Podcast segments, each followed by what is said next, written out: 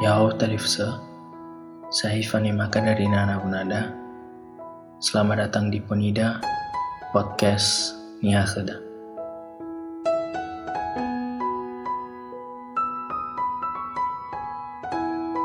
Episode kali ini, aku akan bacakan ke kamu sebuah cerita yang berjudul Mamado Manu atau Laga Ayam. Dan cerita ini aku baca dari buku Famahal Sohali Nononiha Bosisi Ene yang diterbitkan oleh Yayasan Gema Budaya. Jadi dengerin aja dulu, entar juga kamu bakalan tahu. Beginilah ceritanya. Mamado Manu Tema Lavado Manura Lawu Ba Garimbanua lalau fataru. Arasibai fadou manu andra. Irege lamane maneni hasato. Maifuteka lamanu lawo. Atau goi ni hasanguma. Leule. Maifuteka lamanu garibanua. Afuriatania. Le sikala ba le simena bagotalua manu andra imane garim banua Uhale he gufefu daru andro. Imane lawu.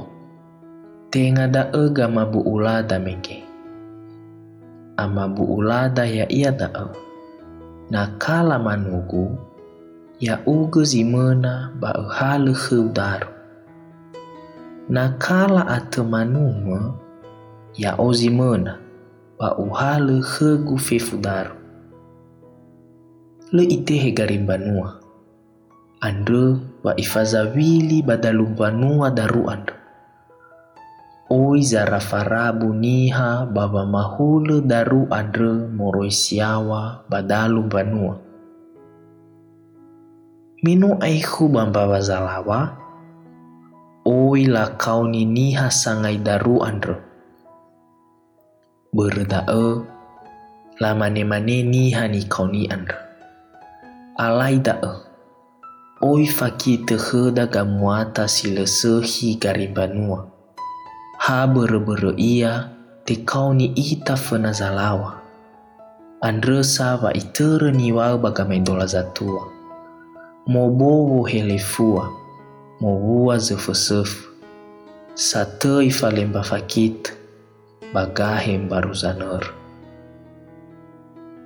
Nah, jadi itulah cerita Memandu Manu atau Laga Ayam yang di mana secara garis besar yang menceritakan tentang dua orang yang bernama Lawuo dan Garimbanua yang sedang melaga ayamnya. Dan ternyata di antara ayam mereka berdua tidak ada yang menang atau hasilnya seri. Nah, si Garimbanua ini tidak terima dan mengatakan bahwa semua taruhannya akan menjadi miliknya. Namun, si Lawo tidak terima karena perjanjian di awal yang menerima taruhan adalah yang menang.